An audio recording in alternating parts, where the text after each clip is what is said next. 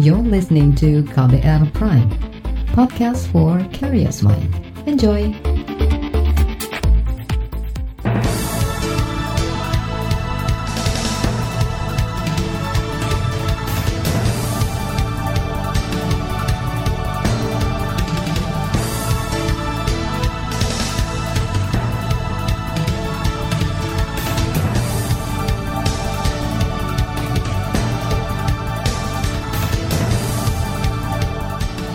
Selamat pagi saudara, senang sekali kami bisa menjumpai Anda melalui program Buletin Pagi edisi Kamis 13 Agustus 2020. Saya Roni Sitanggang. Informasi yang kami hadirkan pagi ini di antaranya pemerintah didesak menambah daya tampung pasien COVID di rumah sakit. Paris Saint-Germain nyaris gagal melaju ke semifinal Liga Champions. Ratusan anak usia sekolah terpapar virus corona di Papua.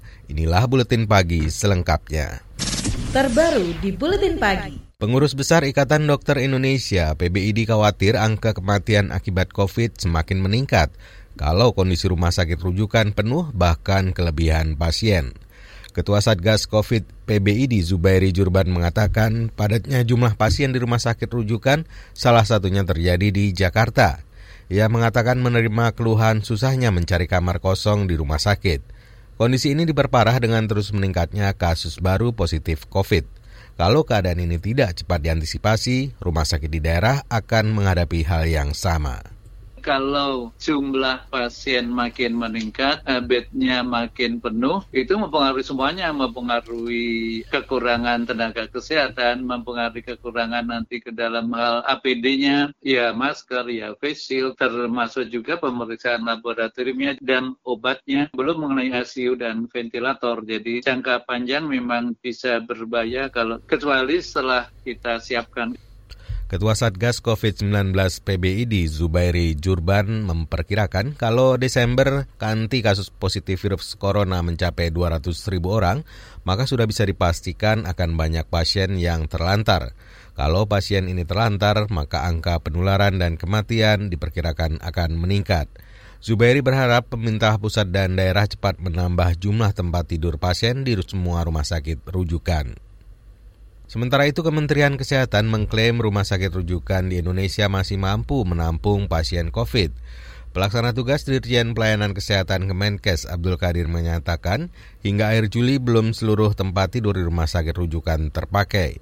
Kata dia khusus di Jabodetabek seluruh rumah sakit masih mampu menampung pasien.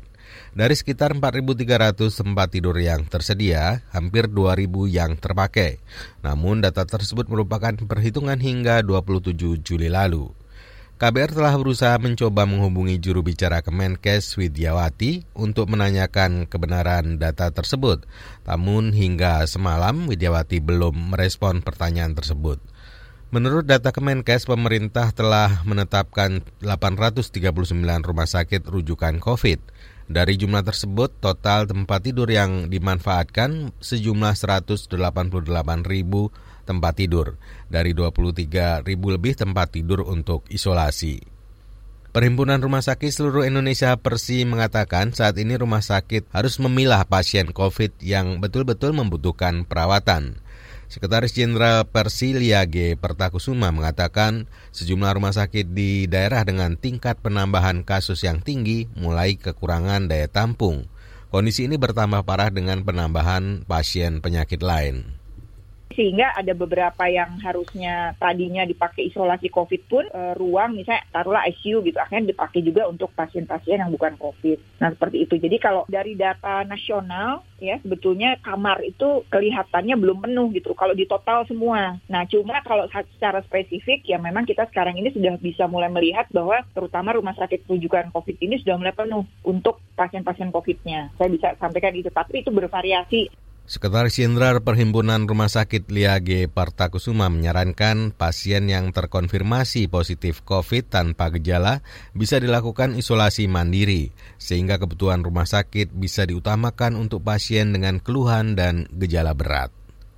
Pakar Kesehatan Masyarakat Universitas Erlangga Surabaya, Estining Tias Nugraheni mendesak pemerintah pusat dan daerah menambah lagi kapasitas tempat tidur di seluruh rumah sakit rujukan. Esti khawatir kasus-kasus baru positif virus corona setiap hari terus bertambah.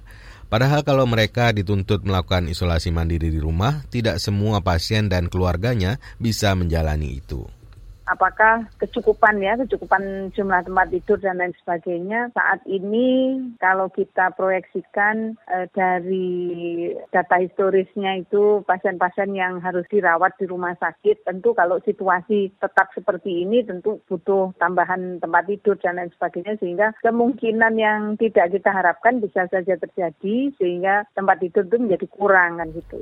Pakar Kesehatan Masyarakat Universitas Airlangga, Estiding Tias Nugraheni menambahkan terpenuhinya jumlah tenaga kesehatan juga harus diperhatikan. Sementara itu, sebanyak 39 ribuan orang hingga kemarin masih dirawat akibat terinfeksi COVID-19.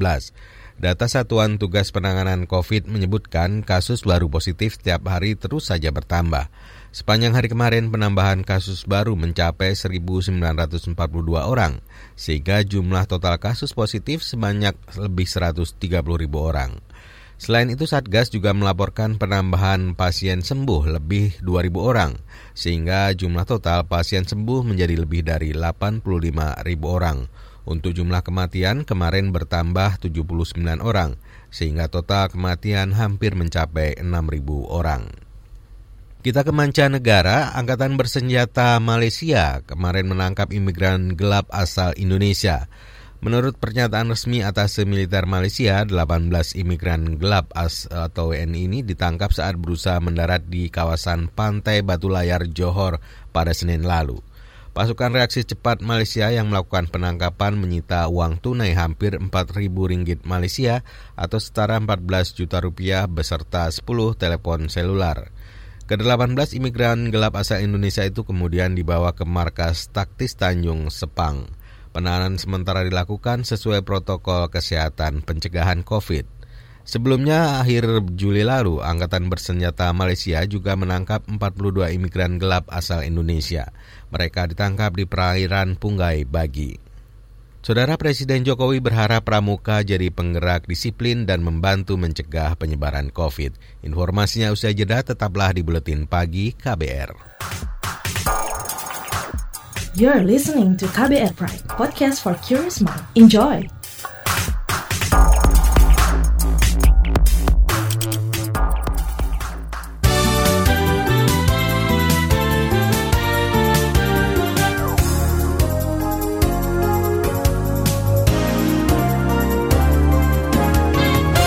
Anda sedang mendengarkan buletin pagi KBR. Presiden Joko Widodo mengajak seluruh anggota Pramuka Nasional membantu menggerakkan disiplin protokol kesehatan saat pandemi. Hal itu disampaikan Jokowi kemarin saat menjadi pembina upacara peringatan Hari Ulang Tahun Pramuka yang digelar virtual di Istana Negara, Jakarta.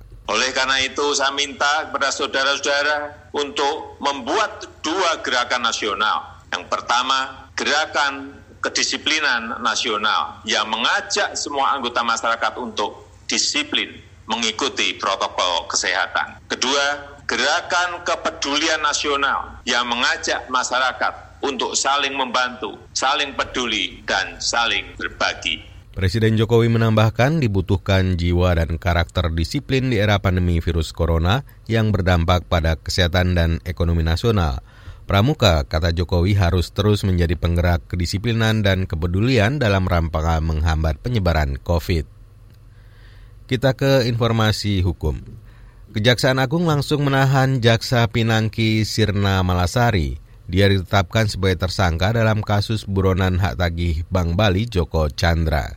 Juru bicara Kejaksaan Agung Haristiono menjelaskan Jaksa Pinangki langsung ditahan di rutan kelas Pondok Bambu, Jakarta Timur telah melakukan pemeriksaan terhadap empat orang yang pada saat dilakukan pemeriksaan statusnya masih saksi dikaitkan dengan barang bukti dan alat bukti lainnya maka tadi malam penyidik berkesimpulan berdasarkan bukti-bukti yang diperoleh telah dirasakan cukup diduga terjadi tindak pidana korupsi sehingga ditetapkan tersangkanya yaitu inisialnya PSM itu tadi juru bicara Kejaksaan Agung Hari Setiono.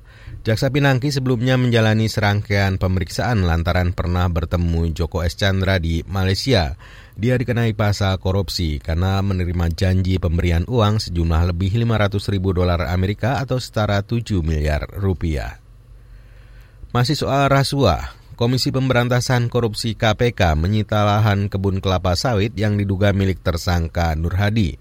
Nur Hadi merupakan bekas sekretaris Mahkamah Agung yang menjadi tersangka suap penanganan perkara. Juru bicara KPK Ali Fikri mengatakan penyitaan kebun kelapa sawit di Sumatera Utara itu dibantu Kejaksaan Negeri Padang Lawas. Agenda yang dilakukan oleh penyidik KPK di sana adalah melakukan penyitaan e, berupa dokumen-dokumen dan lahan kelapa sawit yang tersebar di beberapa kecamatan yang berada di wilayah Kabupaten Padang Lawas Sumatera Utara yang diduga terkait dengan tersangka NHD. Adapun mengenai e, luas lahan tersebut tentu itu nanti akan kami sampaikan pada perkembangan berikutnya. Itu tadi juru bicara KPK Ali Fikri. Sebelumnya penyidik KPK juga menyita tanah dan bangunan berupa villa di Bogor, Jawa Barat yang diduga milik Nur Hadi. Selain itu ada juga penyitaan kendaraan motor dan mobil mewah. Bekas Sekretaris Mahkamah Agung Nur Hadi dan menantunya Reski Herbiono ditangkap KPK setelah tiga bulan buron. Nur Hadi diduga menerima suap sebesar 46 miliar rupiah dari pengusaha untuk memuluskan perkara perdata di MA. Kita beralih ke informasi ekonomi. Ketua Satuan Tugas Pemulihan dan Transformasi Ekonomi Nasional Budi Gunadi Sadikin mengatakan untuk merealisasikan beberapa anggaran program yang masih minim, pemerintah akan membuat program bantuan baru seperti bansos produktif. Program baru tersebut untuk membantu terrealisasinya anggaran dari program bantuan lain yang sulit ataupun sudah cukup. Untuk bantuan likuiditas restrukturisasi UMKM dari 78 triliun sudah tersalurkan 30 triliun. Itu baru jalan dua bulan. Jadi menurut saya itu adalah prestasi yang baik. Yang memang agak kurang adalah program subsidi bunga usaha mikro dari pagu 35 triliun baru disalurkan 1,3 triliun. Tetapi setelah kami amati memang pagunya yang terlalu besar. Karena 1,3 triliun ini sudah menjangkau 13 juta UMKM, 204 triliun bagi debat atau outstanding pinjaman. Tadi Pak Teten minta coba kita buatkan program baru untuk memanfaatkan pagu-pagu yang masih longgar ini. Ketua Satgas Ekonomi Budi Gunadi yakin betul program Bansos Produktif ini akan mempercepat penyerapan. Lantaran kata dia para penerima sudah terdaftar dan bisa terpantau oleh pemerintah. Sementara itu pemerintah menyerukan kepada seluruh pelaku usaha kecil dan menengah segera mendaftarkan diri dalam program bantuan sosial produktif. Menteri Koperasi dan Usaha Kecil dan Mikro, Teten Mas Duki mengatakan pemerintah telah menyiapkan bansos uang tunai 2,4 juta yang akan diberikan kepada 12 juta UMKM pada bulan ini.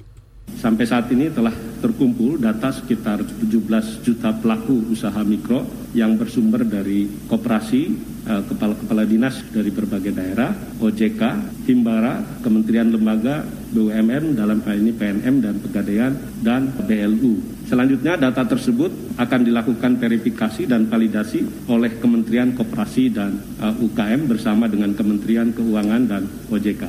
Jadi kami ingin mengajak kepada pelaku usaha mikro yang belum mendapatkan pembiayaan modal kerja untuk ikut aktif mendaftarkan diri melalui dinas koperasi terdekat.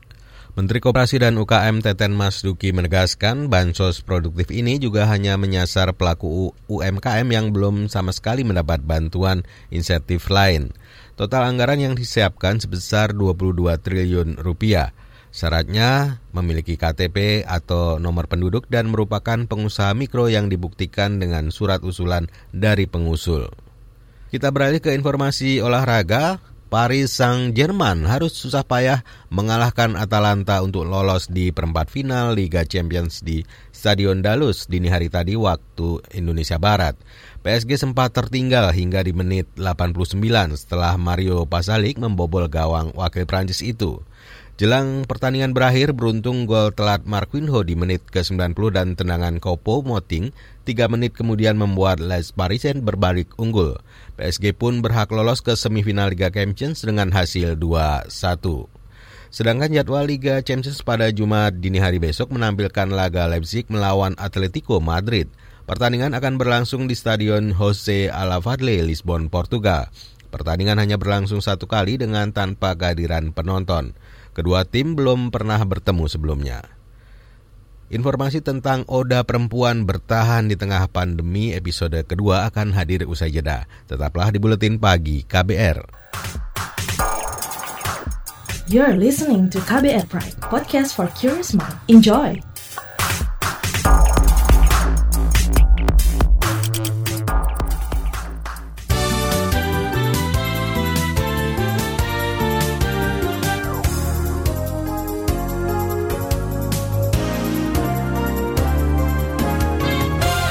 Anda mendengarkan Buletin Pagi KBR bersama Roni Sitanggang. Saudara orang dengan HIV/AIDS atau ODA, perempuan menjadi kelompok minoritas yang rentan terdampak pandemi. Selain terpukul dari sisi ekonomi kesehatan, mereka pun terancam akibat kelangkaan stok obat antiretroviral. Jurnalis KBR Lea Citra berbincang dengan dua ODA perempuan tentang perjuangan mereka bertahan di tengah pandemi COVID. Berikut kisah bagian kedua. Ya sering sih saya udah patah semangat sebenarnya.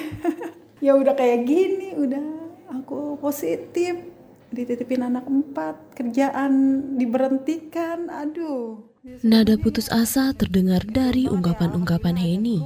Deritanya sebagai orang dengan HIV AIDS atau ODA seakan paripurna di masa pandemi. Heni kehilangan dua sumber mata pencaharian yang selama ini menghidupi keempat anaknya. Di awal April, warga Jakarta ini diberhentikan sebagai karyawan catering karena orderan seret. Makin susah pendapatan ya. Terus ya jadi akses pokok ke mana-mana juga susah. Tadinya kan saya kerja di catering, bantu ya. Tadinya per bulan satu setengah nih sebenarnya ya. Sebulan kemudian, Henny kembali menelan pil pahit karena tak ada lagi yang memakai jasanya sebagai pengasuh anak. Dari pekerjaan sampingannya ini, ia mendapat upah 50 ribu per hari. Hendy sempat dijanjikan bakal dipekerjakan kembali, tetapi sampai sekarang belum ada kabar baik terdengar. Perempuan 42 tahun ini terpaksa menggantungkan hidup pada ibu yang sudah rentah. Ibu saya tuh punya pensiun. Ya itu aja. Ya nyukup-cukupin aja sih. Anak empat. Ibu saya pensiun satu juta dua ratus lah ya. Ya dicukup-cukupin lah. Sebenarnya sih kalau di ini nggak cukup. Henny menjadi ya. orang tua tunggal sejak suaminya menelantarkan mereka lima tahun lalu.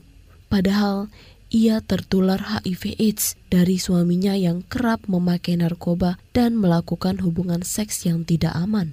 Henny sudah menjadi Oda sejak 2017. Bapaknya udah kayak gini tanggung jawab. Aku nggak ada ntar anak aku gimana? Ya ya kalau lagi lempeng. Itu aku aku bener lah jaga minum obat bener. Tapi kadang ada kalanya lagi ngedon. Aduh kok capek ya Allah kok gini melulu sampai kini Henny merahasiakan status odanya dari ibu dan keluarganya. Ia memilih tetap bungkam karena gentar dengan stigma dan penghakiman. Botol-botol bekas obat anti-retroviral atau ARV disimpannya rapat di kamar agar jangan sampai ketahuan. Emang aku sengaja nutupin, takutnya curiga gitu aja. Berbotol-botol bekasnya aku mau kumpulin di, di dalam satu plastik. Bingung mau buangnya, mau bawa tempat sampah takut tadi yang ngelihat orang. Di tas, tas Himpitan ekonomi di situasi pandemi juga dialami Oda lain di banyak daerah. Kondisi miris ini mendorong komunitas Oda untuk menggalang bantuan saat pemerintah lamban bergerak. Koordinator Ikatan Perempuan Positif Indonesia Nining Ivana. Orang dengan HIV di Indonesia itu banyak sekali dari kalangan menengah ke bawah. Kami yang bergerak dulu untuk teman-teman kami gitu. Kami yang mencari dana untuk gimana caranya teman-teman ini bisa minimal bertahan, tidak kelaparan lah saat di pandemi ini. Selain ekonomi, ancaman kelangkaan stok ARV turut membayangi hidup para Oda di masa pagebluk. Nining mengatakan banyak Oda kesulitan mendapatkan ARV karena pemerintah mengabaikan nasib mereka dengan dalih tengah sibuk menangani COVID-19. Komunitas seperti IPI berinisiatif mengumpulkan sisa ARV milik Oda yang sudah meninggal untuk dibagikan kepada mereka yang kehabisan stok. Selain itu, praktik meminjamkan obat antar oda juga masih menjadi cara untuk saling menopang. Kan ini kan negara kewajiban untuk menyediakan kesehatan untuk setiap rakyatnya dan itu harusnya menjadi landasan utama supaya teman-teman tetap tersedia ARV-nya. Tapi saya nggak ngerti, ada saja permasalahannya. Protes ini ditanggapi Direktur Pencegahan Pengendalian Penyakit Menular Langsung Kementerian Kesehatan Windra Waworuntu. Ia mengklaim suplai ARV aman selama pandemi. Demikian halnya dengan pelayanan kesehatan bagi Oda yang disebutnya tetap berjalan lancar. Mungkin cuma terganggunya sekitar satu minggu, kemudian ya setelah itu obat sudah dipenuhi dan kalau sampai hari ini obat sudah tersedia di semua layanan. Udah bersyukur ya cuma tinggal ya, aku bener minum obat aja. Ya kan kuncinya itu aja sih. Bagi Oda seperti Heni, ketersediaan ARV tanpa jeda merupakan keharusan untuk menyambung nyawa. Itu sebab ia menagih komitmen kepedulian pemerintah terhadap Oda. Kalau misalnya kita kehabisan stok ya kita otomatis berhenti terus gimana Oda Oda kita kan. Tolong diperhatikan aja pemerintah gitu. Itu kan untuk kelangsungan hidup kami. Demikian Saga KBR, saya Lea Citra. Saudara informasi dari berbagai daerah akan kami hadirkan usai jeda. You're listening to KBR Pride, podcast for curious mind. Enjoy!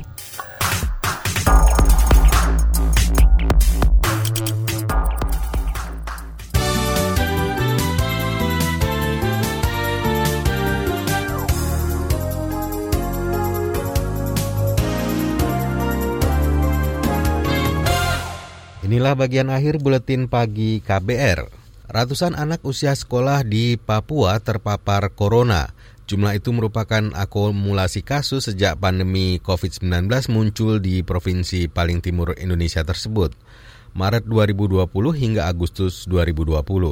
Juru bicara Satuan Tugas atau Satgas Penanganan COVID-19 Papua, Silvanus Sumule mengatakan dari data yang dimilikinya, anak usia sekolah yang positif COVID sebanyak 289 orang. Kata dia, ratusan kasus anak itu tersebar di 15 kabupaten kota di Papua yang menjadi daerah penyebaran virus corona. Dari pertama kali pandemi ini muncul di Papua hingga hari ini tercatat ada 289 anak usia sekolah yang dinyatakan positif. Rata-rata berada pada sakit ringan dan sakit sedang. Ada satu kasus kematian, namun kasus itu adalah kasus probable.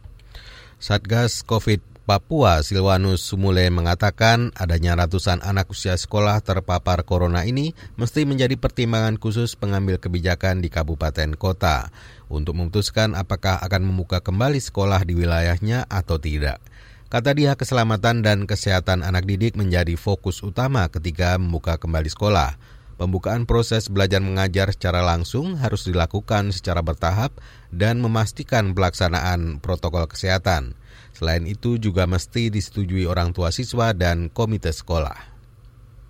Dinas Pendidikan dan Kebudayaan Jombang, Jawa Timur sejak kemarin mulai mempersiapkan sistem pembelajaran tatap muka untuk semua jenjang sekolah mulai PAUD hingga SMP.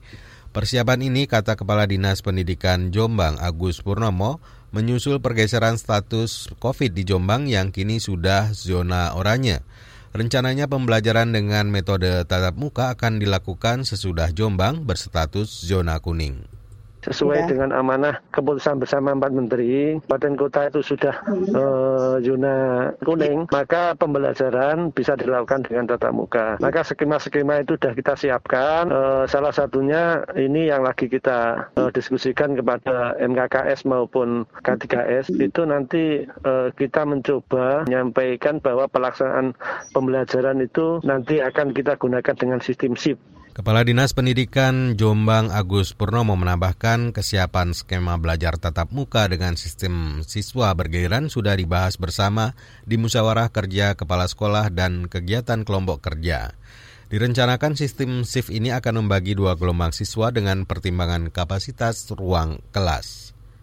Kita ke Nangro Aceh Darussalam, puluhan hektar kebun eks PT Gotong Royong ludes terbakar, sekira 500 hektar area lahan bekas perkebunan sawit itu. Kebakaran diduga akibat aktivitas warga setempat yang membakar sampah di kawasan Desa Sarahmane, Kabupaten Pidijaya. Kepala Pelaksana Badan Penanggulangan Bencana Daerah Pidijaya, Okta Himdip, mengatakan aparat gabungan berhasil memadamkan kobaran api. Ini sebenarnya lahan sawit PT Gotong Royong, cuma karena sudah tidak dianukan lagi, diambil alih sama masyarakat untuk dikelola kan. Di dalam pengelolaan ini masyarakat ya membakar kan, kemudian dibakar. Cuma kan apa pun cerita tidak boleh kan. Kepala Pelaksana Badan Penanggulangan Bencana Daerah Pidijaya Okta Handipa mengimbau petani tidak membakar sampah sembarangan guna mengantisipasi kebakaran hutan dan lahan.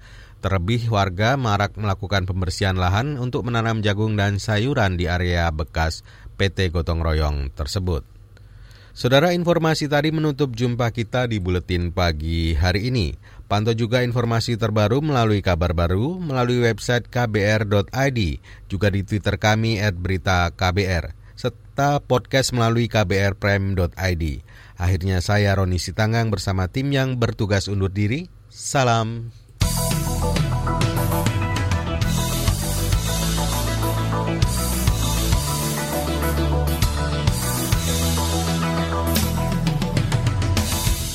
KBR Prime, cara asik mendengar berita. KBR Prime, podcast for curious mind.